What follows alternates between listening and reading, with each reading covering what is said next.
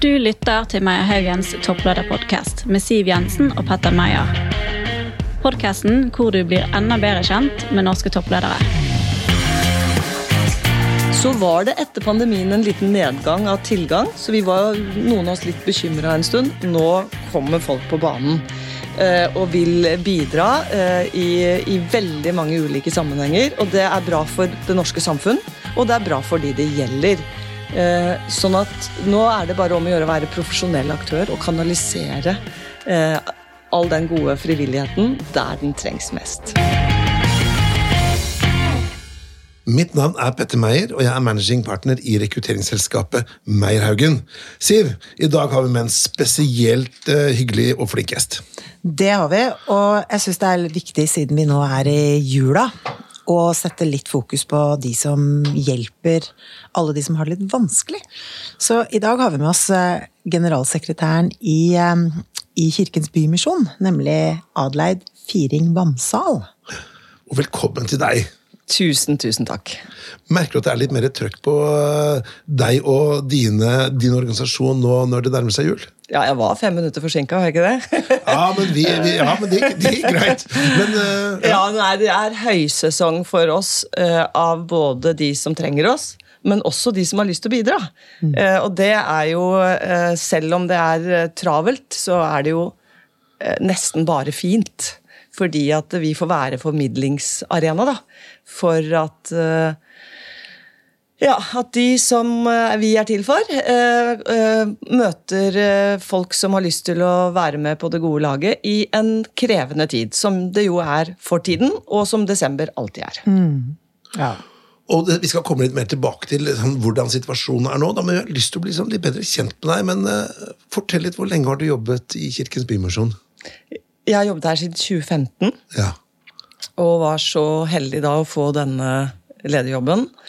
Ehm, et eh, kinderegg av en jobb hvor jeg får lov å være med tett på effekt av eh, lindrende oppdrag, men som også har en stor grad av påvirknings- og avdekkingsmandat i seg. Sånn at jeg også får eh, snakke om ja, hva som fører til at folk har det vanskelig. og også tenke høyt da, med, med makt og myndigheter om hva som skal til for å endre det. Og Hvis vi er litt interessert i sånn bakgrunnen, hva gjorde du før du begynte i Kirkens Bymisjon? da? Ja, jeg er utdannet psykolog, så jeg har uh, i over ti år jobbet uh, som spesialist i klinisk uh, voksen psykisk helse. før det var jeg litt innom kommunal ungdomspsykologi. men så hadde jeg jobbet ganske mange år i en internasjonal barne-, ungdoms- og kvinnebevegelse. Eh, og jobbet med både bistand og lokalt forebyggende barne- og ungdomsarbeid. Mm. Høres jo veldig relevant ut, det der, Siv. Og så høres det veldig meningsfylt ut òg. Ja, ikke sant? Mm.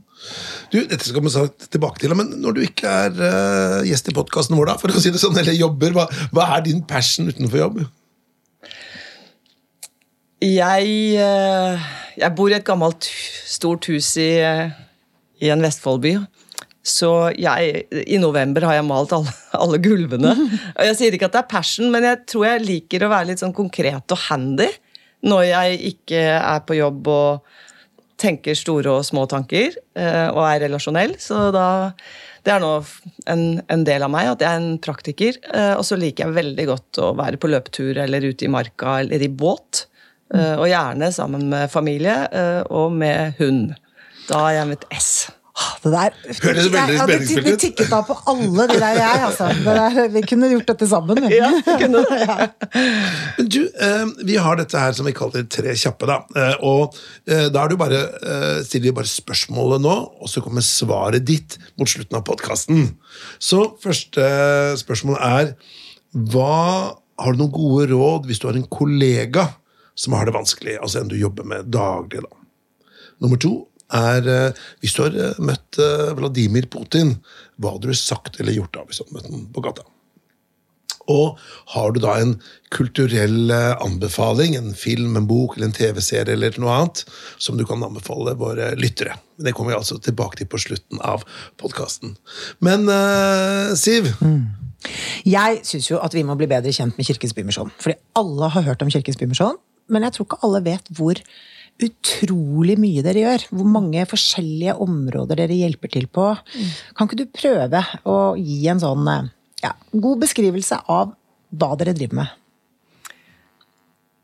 Jo, eh, en, eh, en hvilken som helst bedrift eller organisasjon må jo kjenne sin historie og være tett på, på det formålet og oppdraget. Så, hvis vi går bare to setninger tilbake i tid, så går vi 160 år tilbake i tid, i Oslos gater, hvor det står i historiebøkene til Kirkens Bymisjon at man var liksom litt lei av eh, kjerka som snakka.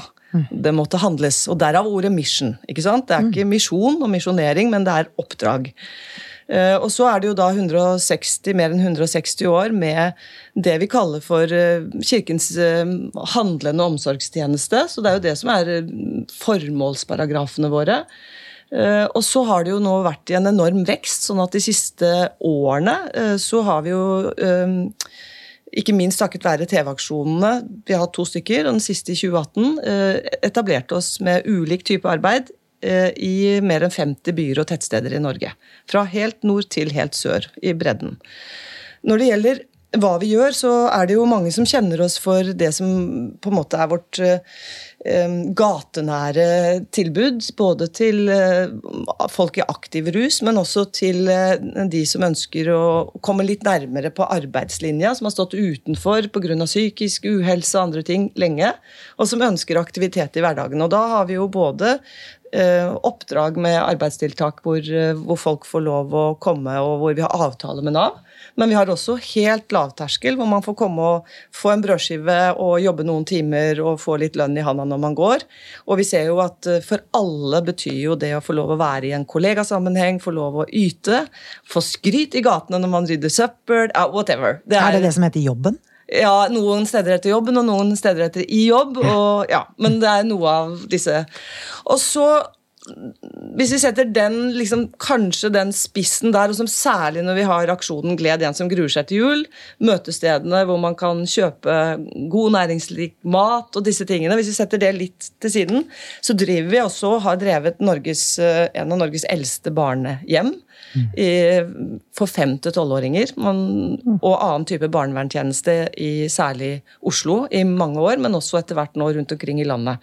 Så på våre samværssteder i regi av vår barnevernstjeneste nå, så gjennomføres det samvær eh, hundrevis med barn som ikke lever med sine foreldre, eller har foreldre som bor i fengsel, og som feirer da i noen intensive timer, med eller uten tilsyn, mm. julaften mm. på våre myrsniper. Så det er noe av barneperspektivet, og der har vi jo selvfølgelig ikke sant? Du har Hudøy feriekoloni og annen type sånne ferie- og fritidsaktiviteter. Uh, og ungdomsledere som utdanner seg både på Stovner og i resten av landet. Mm. Og så har vi drevet sykehjem i mange år og vært tett på seniorsentre, aktivitetssenter. Ikke minst etter pandemien så ser vi jo at mange eldre de, er, de, forkommer av å ikke ha noen å spise sammen med, de forkommer i sine egne hjem. Og nå er vi veldig opptatt av ikke bare det at noen skal bo hjemme lenger, men at hva skal de gjøre da? Hvor skal de gå hen? Hvilket fellesskap? I dette mellomrommet. Og, og mellomrommene er jo kanskje noe av det som har vært vårt perspektiv i alt vi har gjort for alle aldersgrupper i alle år. Mm. Hva er det som eh, vi oppdager eh, som det offentlige ennå ikke har oppdaget? Mm. ikke sant? Med øret til gata eller folket. Eller hva er det som man ikke man vet, men man har ikke evnet som en velferdsstat ennå å ta tak i det. Og så har du det som vi driver i direkte lovpålagte tjenester som oppdrag på vegne av det offentlige. Mm. Og det kan jo da være barnevern, sykehjem, spesialistrus, psykisk helseinstitusjoner fra helseregionene. Mm. Så du har hele bredden av det som ideell institusjonsvirksomhet driver på vegne av eh, stat og kommune, men du har også da dette egenfinansierte, hvor vi er lettbeinte og snur oss fort rundt. Men det er nok mange som ikke tenker over hvor mye ideell sektor avlaster det offentlige. Altså Hadde ikke dere vært der, enten det nå er på sykehjem eller barnevern eller eh, hjelper rusavhengige, så hadde jo belastningen på det offentlige økt dramatisk. Mm. Og da er jo spørsmålet um, fordi dere er jo en veldig tydelig definert som sånn samarbeidspartner om du vil, i ideell sektor med, med offentlige myndighetene. Syns du at rammebetingelsene dere får, er bra nok? Vi er opptatt av at uh, kombinasjonen offentlig, ideell og privat eller kommersiell, at det er, det er, tre ben som på en måte yter borgerne det de trenger. Og vi tror jo på den treenigheten, sånn at det er jo ikke sånn at vi snakker ned noen av de andre enn det ideelle. Uh, når det er sagt, så tror jeg rett og slett at den velferdsstaten Norge har i dag, den har jo utviklet seg til det den er fordi ideell sektor har vært sterk i Norge.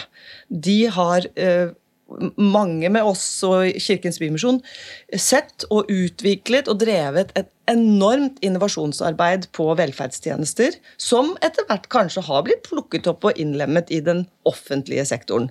Eh, sånn det er jo fint at det er sånn. Mm. Så jeg tror at den velferdsstaten vi har i dag, den er bygget opp av ideelle aktørers evne til å drive utviklingsarbeid. Mm. Så uh, rammevilkårene nå er presset veldig av konkurransedirektivet. Mm. Det er, Skal man ville ha fortsatt ideell sektor i den norske velferdsstaten, så må man gi de ideelle de rammevilkårene at man ikke til enhver eh, eh, tid skal gå på akkord med de verdiene om også å videreutvikle tjenestene. Mm. Kommersielle de skal ta ut profitt. Det er jo det vi ikke skal gjøre. Vi re, um, fører verdiene tilbake til ideell sektor for å utvikle. Mm. Det er to litt forskjellige eh, måter å drifte bedrifter på, eh, eller organisasjoner på. Og, og, vi mener jo at man trenger begge deler, og akkurat nå så er dette EØS, eller konkurransedirektivet, det er eh, veldig krevende. Og så er det en annen ting. Politisk vilje er det jo. Mm. Til å ha ideell sektor. I barnevern minimum 40% både på kommunal og statlig er man enige om det.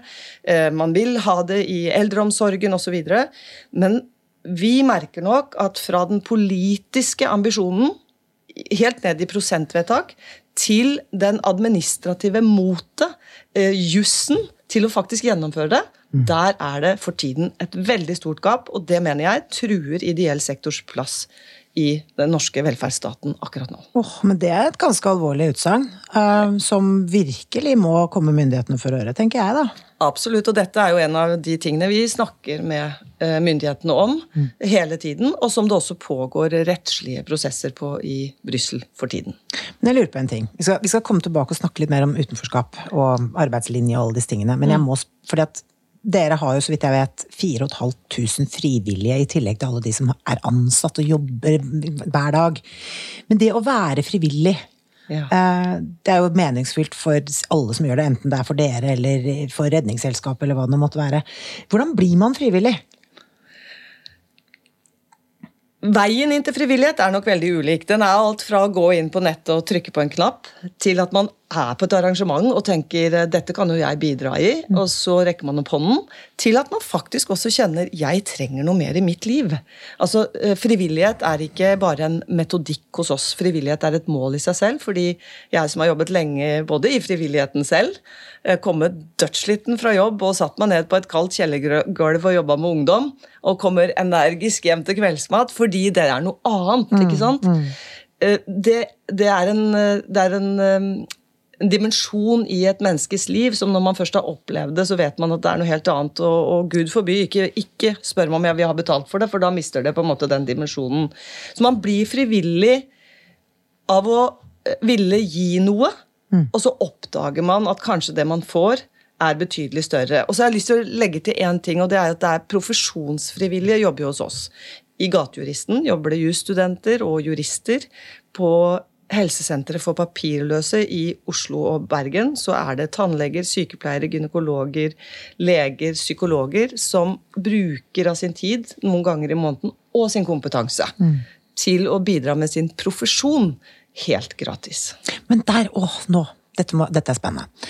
Fordi vi lever i en tid hvor um, veldig mange godt erfarne mennesker da, går litt ut på dato fordi de går av med pensjon. Og så sitter de og kjeder seg, og så sitter de med all verdens kompetanse. Ikke dette, liksom, er ikke dette et veldig godt seniortiltak? Altså, fri, det å melde seg som frivillig og med all erfaring og kompetanse man har? Jeg møter mange seniorfrivillige. Det var jo noe av utfordringen vår Jeg skal ikke snakke så mye om pandemien, for vi vil jo bli helst ferdig med å snakke om den. Men noe av utfordringen var jo at frivillige seniorer bærer mye av vårt arbeid.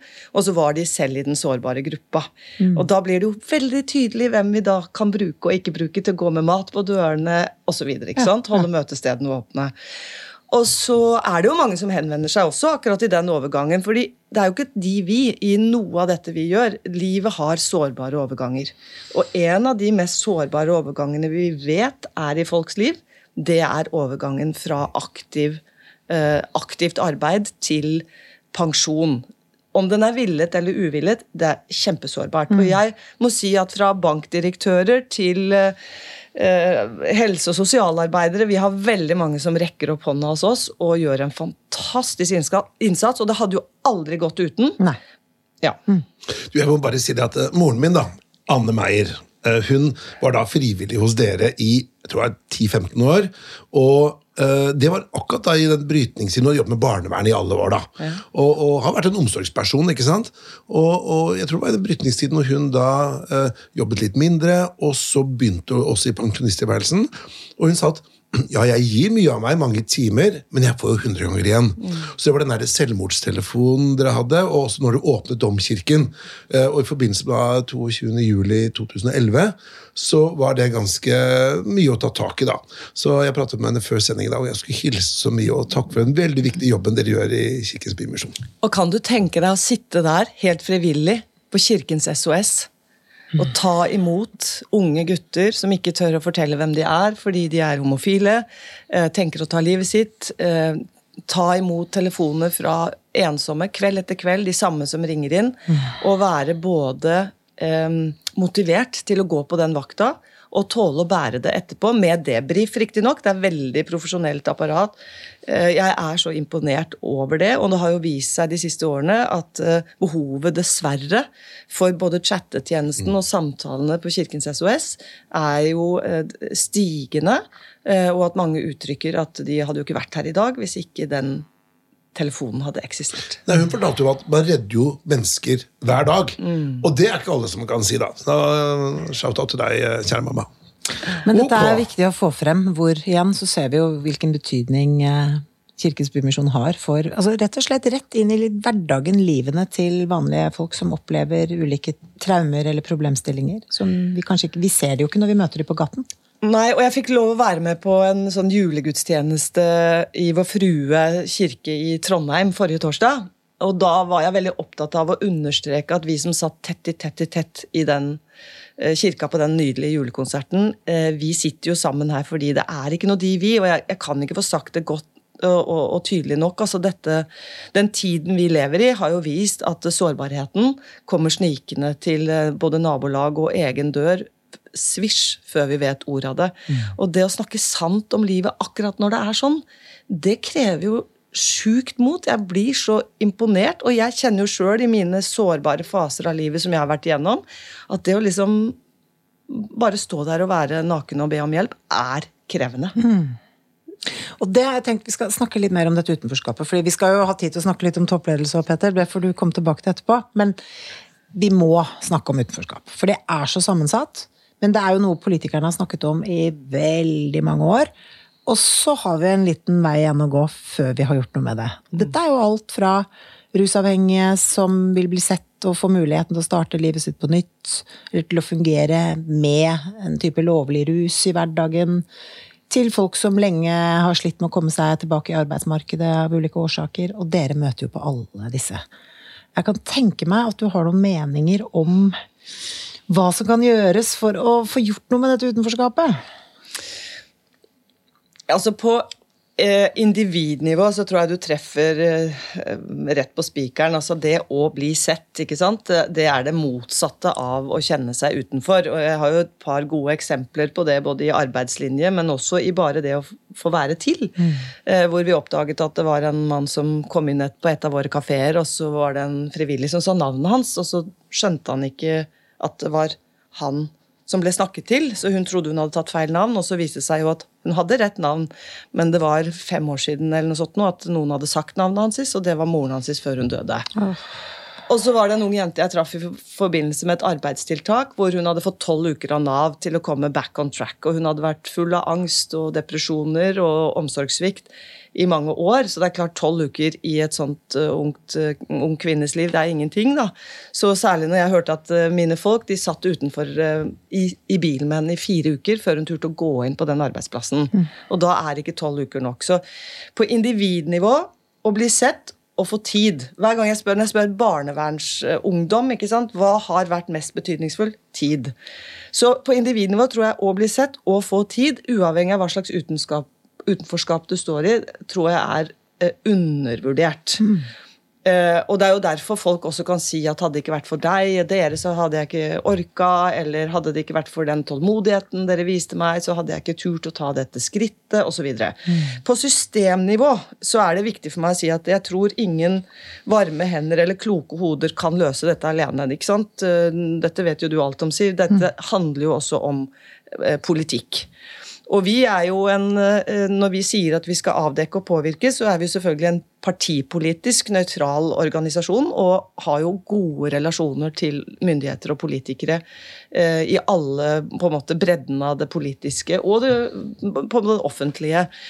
Men det er klart, vi, vi ser jo at når systemene vel ment med nye regler eh, plutselig ikke enten blir brukt sånn som det skal, eller gjøres utilgjengelig for den det er ment som, så havner noen mellom disse stolene. Jeg skal bruke to eksempler. Det ene er vi hadde et veldig godt frokostseminar med Nav-direktøren for en stund siden. fordi de aller mest marginaliserte i utenforskap som vi møter, de er ikke digitale. Mm, mm, mm. De snakker dårlig eh, norsk. De har behov for akutt hjelp på dagen. Og da er todagersregelen for å bli ringt tilbake Mm. Den er jo helt ulevelig hvis du ikke har mat og ikke et sted å gå. Mm. Så det å kunne snakke om Men hvem er det dette systemet ikke fungerer for? Det er liksom det ene. Så hadde vi et annet eksempel hvor vi plutselig avdekket for noen uker siden at, eh, at en rusavhengig hadde fått en bot som den ikke kunne betale, og havnet i fengsel. Og så var reglementet sånn at man skulle ikke i fengsel med den livssituasjonen, så skulle man ikke sone eh, den bota. 22 fanger, altså innsatte, ble uh, løslatt samme dag fordi det viste seg at praksisen var feil. Akkurat. Eller en som blir utvist ikke sant, av norske myndigheter fordi den har uh, tatt et eller annet i en butikk. Altså nasking. Og så går jo den helt til topps i rettssystemet, hvor det viser seg at eh, en utvisningsgrunn av en EØS-borger i Norge er ikke nasking av sjokolade. Mm.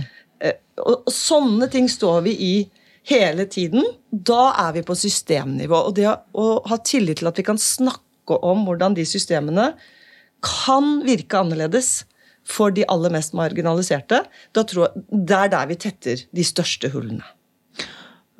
Og det tror jeg er viktig. Nav-direktøren har jo vært gjest i denne podkasten også.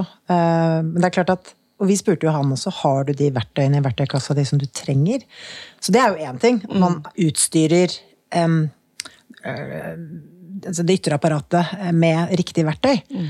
Men det hjelper jo ikke å ha gode verktøy hvis ikke medarbeidere og ansatte er klar over at de verktøyene fins. Nei, og det er klart, Apropos ledelse, ikke sant, så er jo uh, noen av de store uh, skal vi si um, Leveransene av systemene våre er jo kjempestore, komplekse organisasjoner også i den norske velferdsstaten. Så det å få det maskineriet til å f.eks. ikke operere ulikt, det er jo et, et, et svær organisasjons- og ledelsesansvar. Mm. Det går jo på tilstrekkelig kompetanse, men det går jo også på eh, å kjenne på en måte sitt, eh, sine arbeidsoppgaver, og også sin skjønnsmessige frihet. Og vi er nok innimellom veldig opptatt av det for våre ansatte. At vi kan lage regler, policies, rutiner for alt. Men det vi trener våre frivillige ansatte i hele tiden, er jo også at de må bruke sitt sin egen eh, skjønn eh, på enkeltsaker. Det er det mest krevende vi står i med våre ansatte daglig. Og det er klart det er, eh, det er en nødvendighet i den offentlige tjenesteleveransen også, mm. men det er krevende. Men du, nå lever vi jo en litt sånn vanskelig tid. Strømmen er dyr, og maten er dyr, og det er, det er mange som har det vanskelig. Ser dere Er det noen, er det noen trendmessige endringer som dere observerer nå, som, som er blitt forsterket eller forverret, forbedret, bare i løpet av det siste altså Kanskje i forbindelse med pandemien og i etterkant? Ja, vi behøver vel ikke gå mer enn til de siste ukene. Um, mediene har jo for så vidt skrevet om det òg, men, men de, de, køene der hvor det er reell matutdeling, de er jo veldig mye lengre. Og barnefamilier som vi aldri har møtt i våre sammenhenger i mange norske byer, eh, og andre også frivillige ideelle organisasjoner, eh, møter mange nye barnefamilier. Mm. Og, og, det er såpass enkelt som at en eneforsørger med én, to eller tre barn som går på en lavtlønnsinntekt nå, um, eller på stønad, automatisk med den dyrtiden vi er i nå, havner under fattigdomsgrensa. Sånn at det er helt reelt at 115 000 barn, og den kurven har jo dessverre, helt uavhengig av politisk ledelse i Norge, ikke gått ned. Den går bare opp. Mm. Og nå er det 60 000 barn som er avhengig av en eller begge foreldrene sin på en stønadsnivå fra det offentlige fordi de ikke jobber. Og, og, og, noen av de vil heller aldri komme i jobb. sånn at den arbeidslinja eh, Vi er jo ikke uenige i den, men for disse barna er ikke arbeidslinjen eh, eh, løsningen. Fordi de vokser opp mens vi venter på at disse foreldrene eventuelt skal bli arbeidsdyktige. Og de forteller oss om at de går på skolen med fiktiv matpakke. De er ikke varme nok, de legger seg sultne. Eh, de skjuler eh, eh, situasjonen i hjemmet. Det er en heldagsjobb å skjule, ikke ta med venner hjem. Og de tar seg av småsøsknene sine ved å pante flasker. Dette er jo hjerteskjærende. Ja, altså til å være Norge i dag, eh, så må jeg si at det er noe av det som har sjokkert meg mest med, med formålsarbeidet vårt de senere årene, er at eh, vi ikke trenger flere ekspertutvalg. Vi trenger ikke flere utredninger for å målrette de tiltakene. Men, men dette er jo ikke lett å snakke om, fordi det også handler om fordelingspolitikk. Mm. Ja. Men de barna er der, og de barna forteller oss, og ungdommer, hver dag hvordan dette oppleves.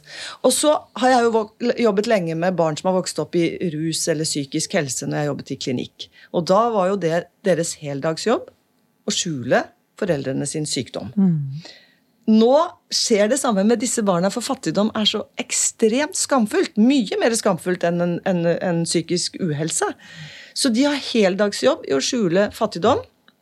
Og så går det rett på identitet og fysisk og mental utvikling og evnen til å lære. Mm. Sånn at ved å gjøre noe med dette, så er det faktisk mulighet til å bryte dette generasjonsløpet. Det er jeg helt overbevist om. Mm.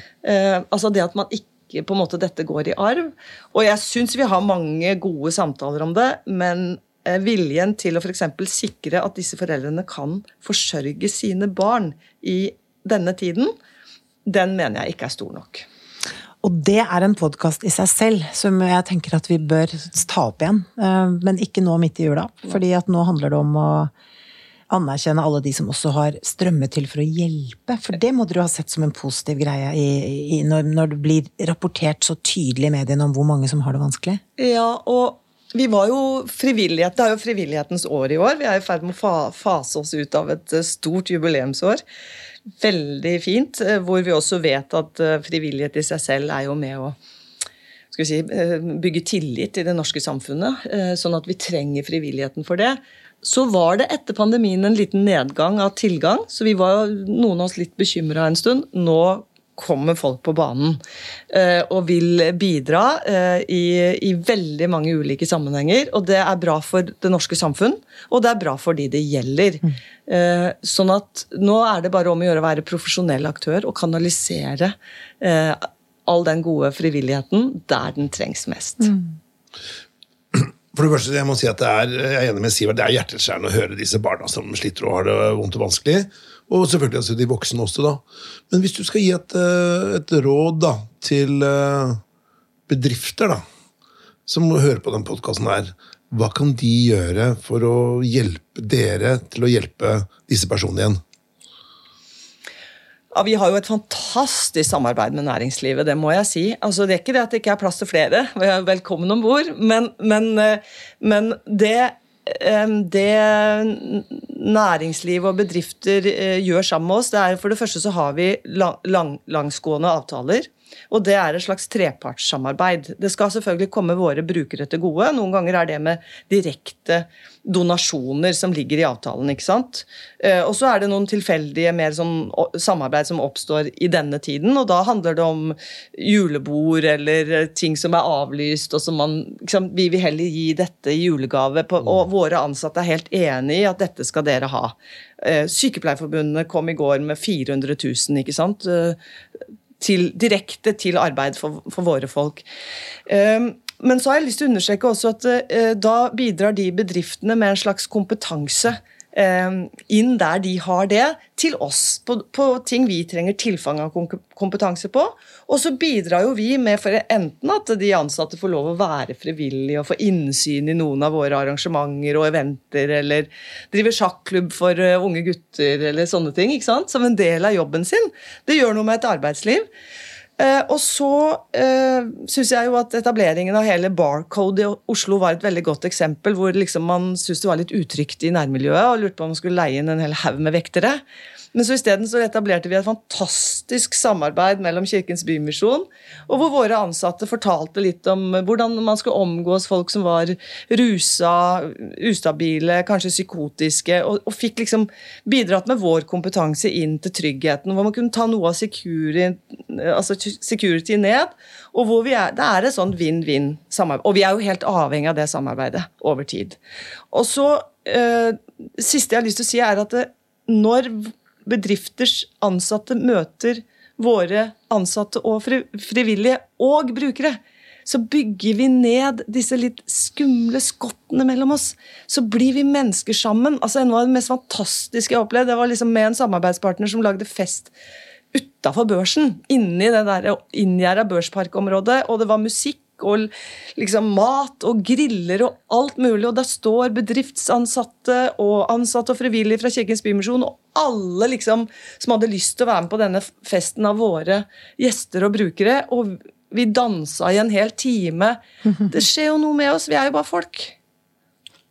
Du, jeg må bare si at Dette inspirerer jo oss, da. og uh, Vi i Meierhaugen har, har, valgt å gi en gave i år til Kirkens Bymisjon, da, men den skal du få etterpå. Men vi oppfordrer alle dere som lytter på podkasten, til å gjøre det samme. Gå på hjemmesiden deres. Der kan man jo både være individuell frivillig og også på en måte bedriftsmedlemmer. da. Så det er virke, en virkelig oppfordring, ikke sant, Siv? Absolutt. Ja. Men nå må vi da liksom tilbake til dette her eh, litt kaldere temaet. da. Vi må snakke om toppledelse òg. Selv om det kan gå varmt for seg i toppledersporet også. Det, dette vet vi litt om. Ja.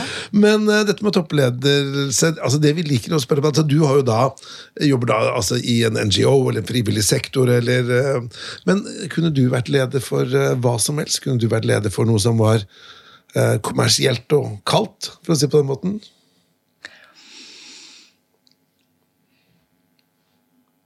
Jeg tror det er veldig mange måter å bli dedikert til en organisasjon eller bedrifts formål på. Og hvis man ser på det som verdiskaping, så mener jeg jo at uh, vi lager av og til litt sånn harde skiller. Og jeg er opptatt av kvalitet. Så, og jeg er enig i at det er en NGO eller en ideell aktør, men eh, når man har jobbet på andre siden i den offentlige helsesektoren, så vet man jo at eh, det er helt uavhengig av hvilken sektor som leverer, så skal det være spisskompetanse og, og kvalitet.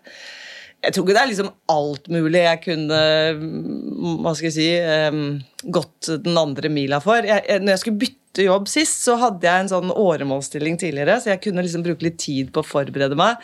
Og hadde samtaler med konsulentselskaper. Eh, jeg, hadde, jeg snuste på noen stillinger, tenkte litt internasjonalt. Altså, da gjorde jeg liksom den 360 grader-tenkningen. Da sovna jeg to ganger foran peisen når jeg leste en HR-strategi til et sykehus og tenkte jeg skal ikke søke HR-direktørstillingen.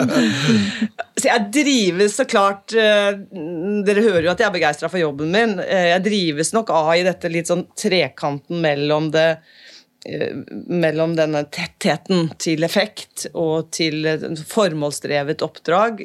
Men jeg er veldig opptatt av å være en toppleder som tar det administrerende direktøransvaret på forvaltning, kvalitet, ehm, økonomi, alt dette minst like alvorlig. Og det må man jo når man har langtidskontrakter og 1,4 milliarder i omsetning. Så kan man jo ikke leke butikk. Er, det, er det som er eh, imponerende med Kirkens Bymisjon, at det er en stor butikk, for å si det på den måten. da.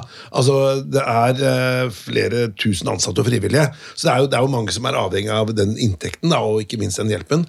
Men hvis du da tenker på dette med eh, når du skal finne folk til deg, da. Dette Ja. er jo et rekrutteringsselskap, som, eh, så vi er jo spesielt opptatt av hvordan en toppleder som deg eh, velger ut medarbeidere. Ja, for det første så må jeg bare si at rekruttering er noe av det morsomste jeg gjør. Men jeg driver ikke og bytter ut folk hit og pine. Jeg har et veldig stabilt lederskap rundt meg. Men når, først, når det har vært omstilling, omstrukturering for noen år eh, tilbake, og skal inn i en ny runde nå, så må jeg si at det er sånn som jeg gleder meg veldig til. Jeg, jeg syns det er veldig fint å liksom få god tid til å sitte og få folk til å vise seg fram i dybden, og gjerne sammen med samarbeidspartnere.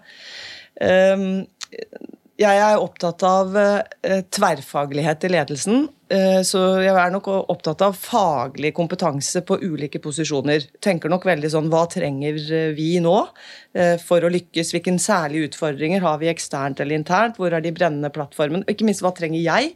Hva er det jeg ikke har kompetanse på? Og også litt sånn på personlighetssiden så snakker vi veldig ofte om personlig egnethet når vi driver med rekruttering inn, inn til organisasjoner. Men jeg blir nok opptatt også å, å matche personligheter i ledergrupper, eh, som jo stort sett det jeg rekrutterer til rundt meg. Og at det skal være eh, mangfold og, og brytninger nok, da. Og når da gruppa først er satt, så leder jeg nok veldig gjennom den ledergruppa. Og da blir jeg veldig opptatt av tillit og trygghet og, og målrettethet i hva vi skal være i. Så rekrutteringsmessig, faglig kompetanse, mangfold, og så uh, tar vi det derfra. Den eh, bakgrunnen din som eh, altså, eh, innsikten din i psykologi, da, bruker du den direkte i rekrutteringssamarbeid? Ja, altså Jeg jobbet jo mange år som klinisk spesialist, men jeg har videreutdanning i arbeids- og organisasjonspsykologi og har jo testbatterier i liksom litt i ryggmargen. Eh, Jeg bruker jo ikke testene selv, men det hender jo at vi ber om det fra, fra eksterne bidragsytere. Ja, det er jo ikke til å unngå. Eh, Og kanskje fordi jeg er så glad i folk og nysgjerrig på folk og vil at de skal liksom bli sitt beste potensial, så er det kanskje derfor jeg liker de rekrutteringsrundene veldig godt. da. Litt sånn eh, Ja, jeg går til alle de eh, intervjuene med, med spenning og glede. Jeg tenkte vi skulle gå litt bort til deg og din personlighet. Ja, dette syns jo vi er veldig spennende. Så eh, hvis jeg da skulle spurt deg hva slags eh, personlighet er du, da? Både ut fra hva du tenker selv, og hvilke tilbakemeldinger du har fått opp gjennom tida? Ja, jeg har nok tenkt i veldig veldig mange år at jeg er, eh, hvis man skulle måle det på ekstrovert-introvert, f.eks., så at jeg er veldig ekstrovert. Og så hadde jeg det helt sjukt helt greit i pandemi. så da begynte jeg å lure på om jeg ikke måtte revurdere det. Men uh, ingen er bare det du ser, sier vi i Kirkens Bymisjon, så da er jeg vel litt begge deler. Um, jeg sa en gang eh, ved en ansettelse at uh, som leder så er jeg relasjonell, målrettet, eh, men jeg er ikke olje på vann. Så hvis man ikke vil ha endring, hvis man bare vil liksom stabilisere skuta, så må man ikke ansette meg. Jeg er utviklingsdrevet, men i lange prosesser. Kan være ryddedame, men eh, jeg er best på å snu eh, lang, saktegående skuter dit de skal. Og stake ut en ny kurs? Ja. Jeg er veldig glad i å jobbe med sånn involverende strategiarbeid i fem til tiårsperioder. Eh, Men kanskje det jeg har lært av strategiarbeid er, som leder, er kanskje eh, Det var en mann som satte meg en gang at jeg er ikke så veldig opptatt av verken formålsparagrafen eller verdiene til denne organisasjonen hvis vi nå blir for introverte i strategiarbeidet. Først må vi fokusere på det som er rammebetingelser, det som er behovene utenfor oss selv. La oss liksom første fasen av et strategiarbeid virkelig glemme oss selv. Da lykkes vi med strategi, og det har jeg lært mye av. At vi klarer å være omverdenorientert lenge nok i en strategisk utviklingsfase. Du, Nå skal vi gjøre noe litt morsomt, da, og det er at vi skal gå litt gjennom noen punkter som forskning viser er viktige altså personlighetsegenskaper for en toppleder. Er du klar? Jeg er klar. Du, Nå er det god stemning i studio her, altså, det er lov å si. Eh, ok, Nå bare leser jeg det opp, og så kan du si ja eller nei, og så kan vi heller ta nyanseringen når, eh, altså etterpå. Ok. Uh, har du høyt energinivå? Ja. Eh, har du høy stresstoleranse? Ja. Har du høy selvtillit? Ja. Uh, tror du du har stor påvirkningskraft på andre mennesker? Ja.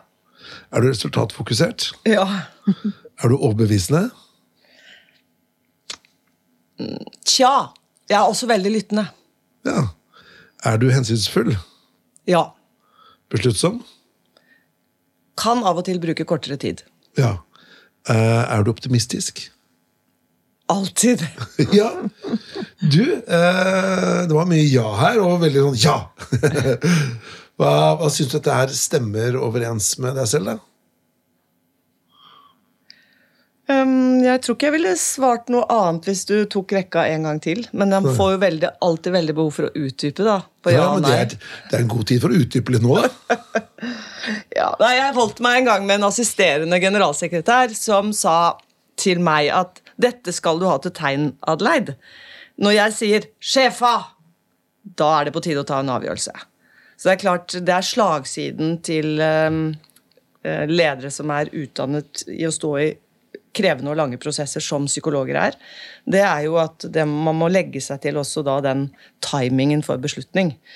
Så den eh, Det var ikke for ingenting at Psykologforeninga, når de begynte å få psykologer som søkte topplederjobber, så lagde de eget kurs for toppledere med psykologutdanning for å også på en måte booste den siden, da. Så jeg er nok veldig tålmodig i prosesser, og eh, har folk rundt meg som sier nå er det nok, nå skal vi ta beslutninger. Ja, det er jo egentlig litt artig, for Ja. veldig mange av topplederne vi snakker med, er jo de stikk motsatte. Ja, de er kjappe på labben. Ja, de er utålmodige og må liksom ta seg selv litt i nakken for å la det være en prosess. Ikke sant? For de vet jo gjerne hvor de skal. Ja, Men det er jo kanskje derfor at jeg har lykkes med noen litt store snuoperasjoner i ideell sektor. for det, Når du har 4500 frivillige, når du har tolv styrer, som vi har hatt i dette konsernet nå en stund, så er det så mye formaliteter og så mange som skal om bord og forstå analyser Forankringer. forankringer.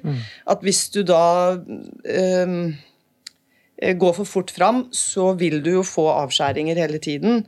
Eh, Så det, Jeg har nok veldig store bilder i hodet. Det var en eh, sparringspartner og veileder som sa til meg en gang at eh, dine bilder er så lange og store at hva, hva hvis du flytter den liksom, delen høyre ramma litt lenger inn? Hvordan får du det da? Jeg får det mye bedre, men vi kommer ikke til å lykkes, sa jeg. Så, så jeg tror Ja. Jeg, jeg mener det tar åtte til ti år å virkelig snu skuta i en tung, gammel Gjerne relevant, men en, en organisasjon som skal bli enda mer relevant, så kan man, man kan, da, da må det være en veldig dramatisk situasjon eh, hvis man skal bruke kortere tid.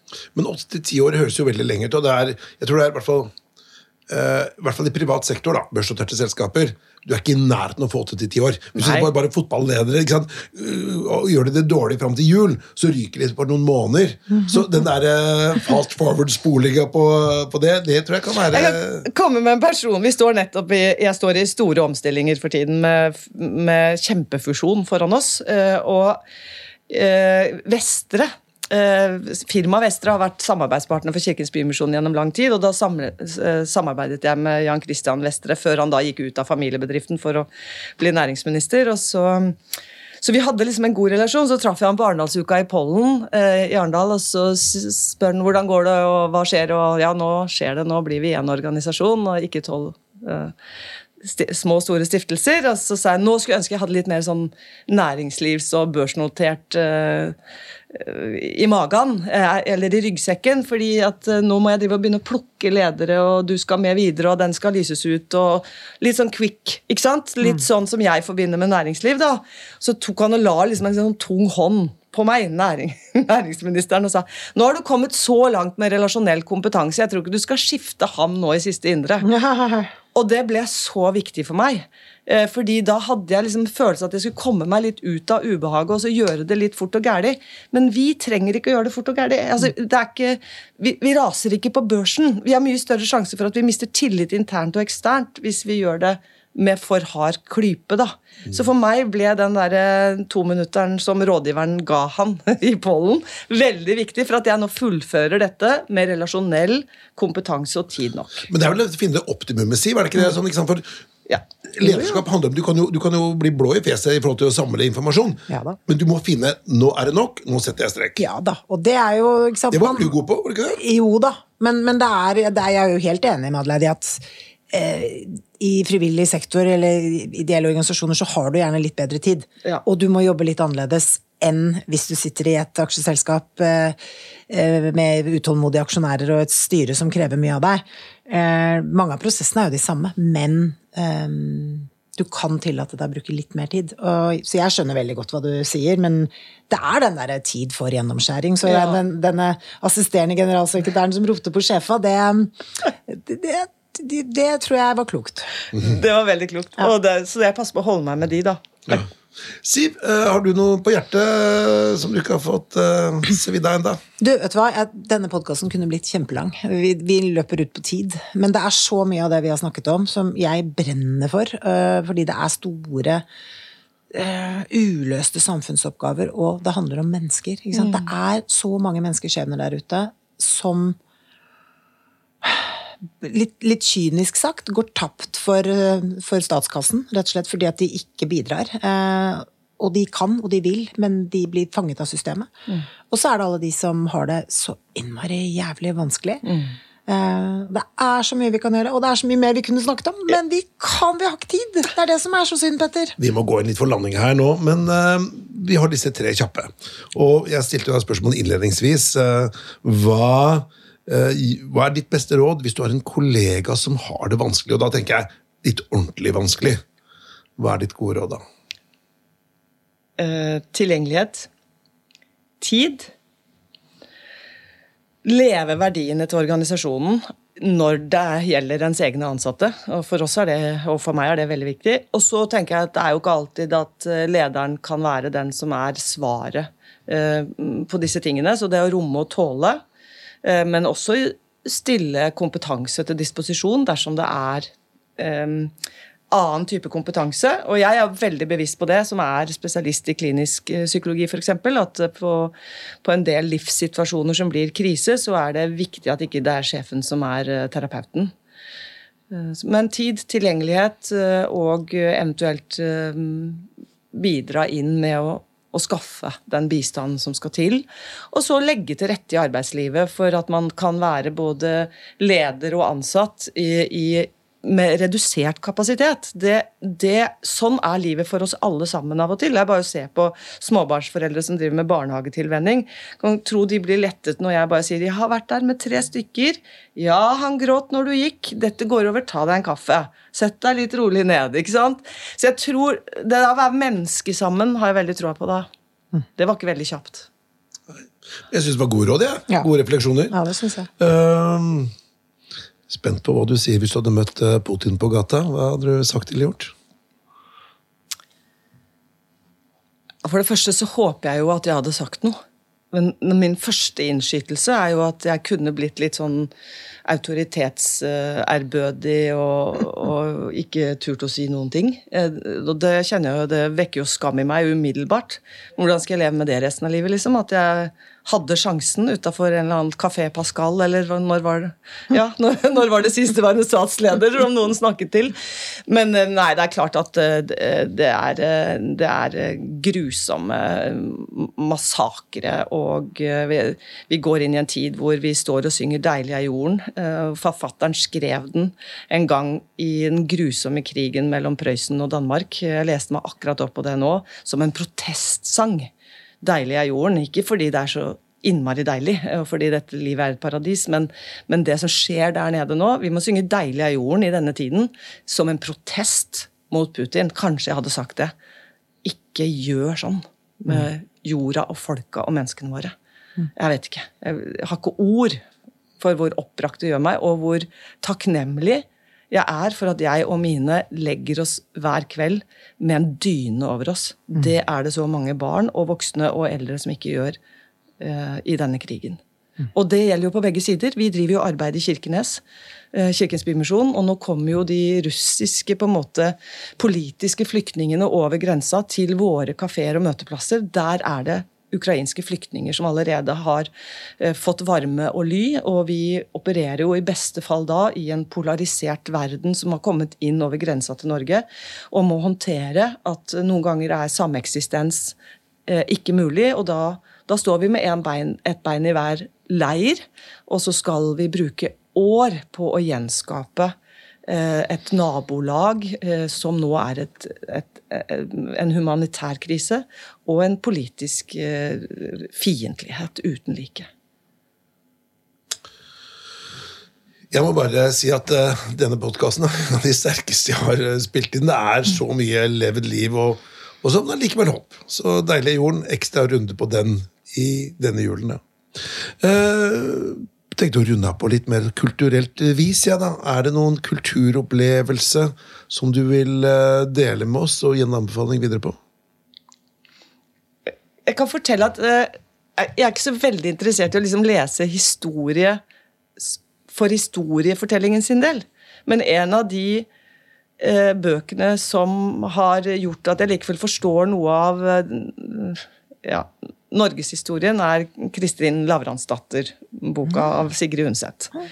Og nå røper jeg hva jeg har tenkt å gi til min mor i julegave, apropos mødre, da, som vi snakker om her. Men den åttetimersforestillingen, som jeg ennå ikke har sett, men som nå mange har anbefalt, med lapskaus i den første pausa og kake i den andre pausa, eh, den har jeg en følelse av at alle som både vil se livet og historien i litt perspektiv, burde ta seg tid til og råd til. Det er en eh, fin oppfordring, Siv. Ja, det syns jeg. Jeg syns det. Og så må jeg si at eh, jeg er helt enig. Dette var eh, en sterk og meningsfylt podkast som jeg er veldig glad for at vi skal publisere i jula. For det er noe med å få alle til å reflektere litt over både, både alle de som er veldig privilegert, til å tenke litt over at vi tenker at Norge er trygt, bra, alle har det fint. Men det er dessverre så mange som ikke har det fint. Og jeg tror vi skal bruke jula på å tenke litt ekstra på dem, og hjelpe dem litt ekstra også. Og livet er sårbart for oss alle. Det er det.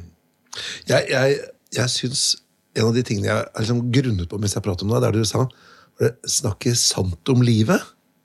Og det bare tenkte jeg Faderullan, det, bare det å tenkte jeg, snakke sant istedenfor å ha denne masken, istedenfor å hele tiden prøve å være bedre enn man er.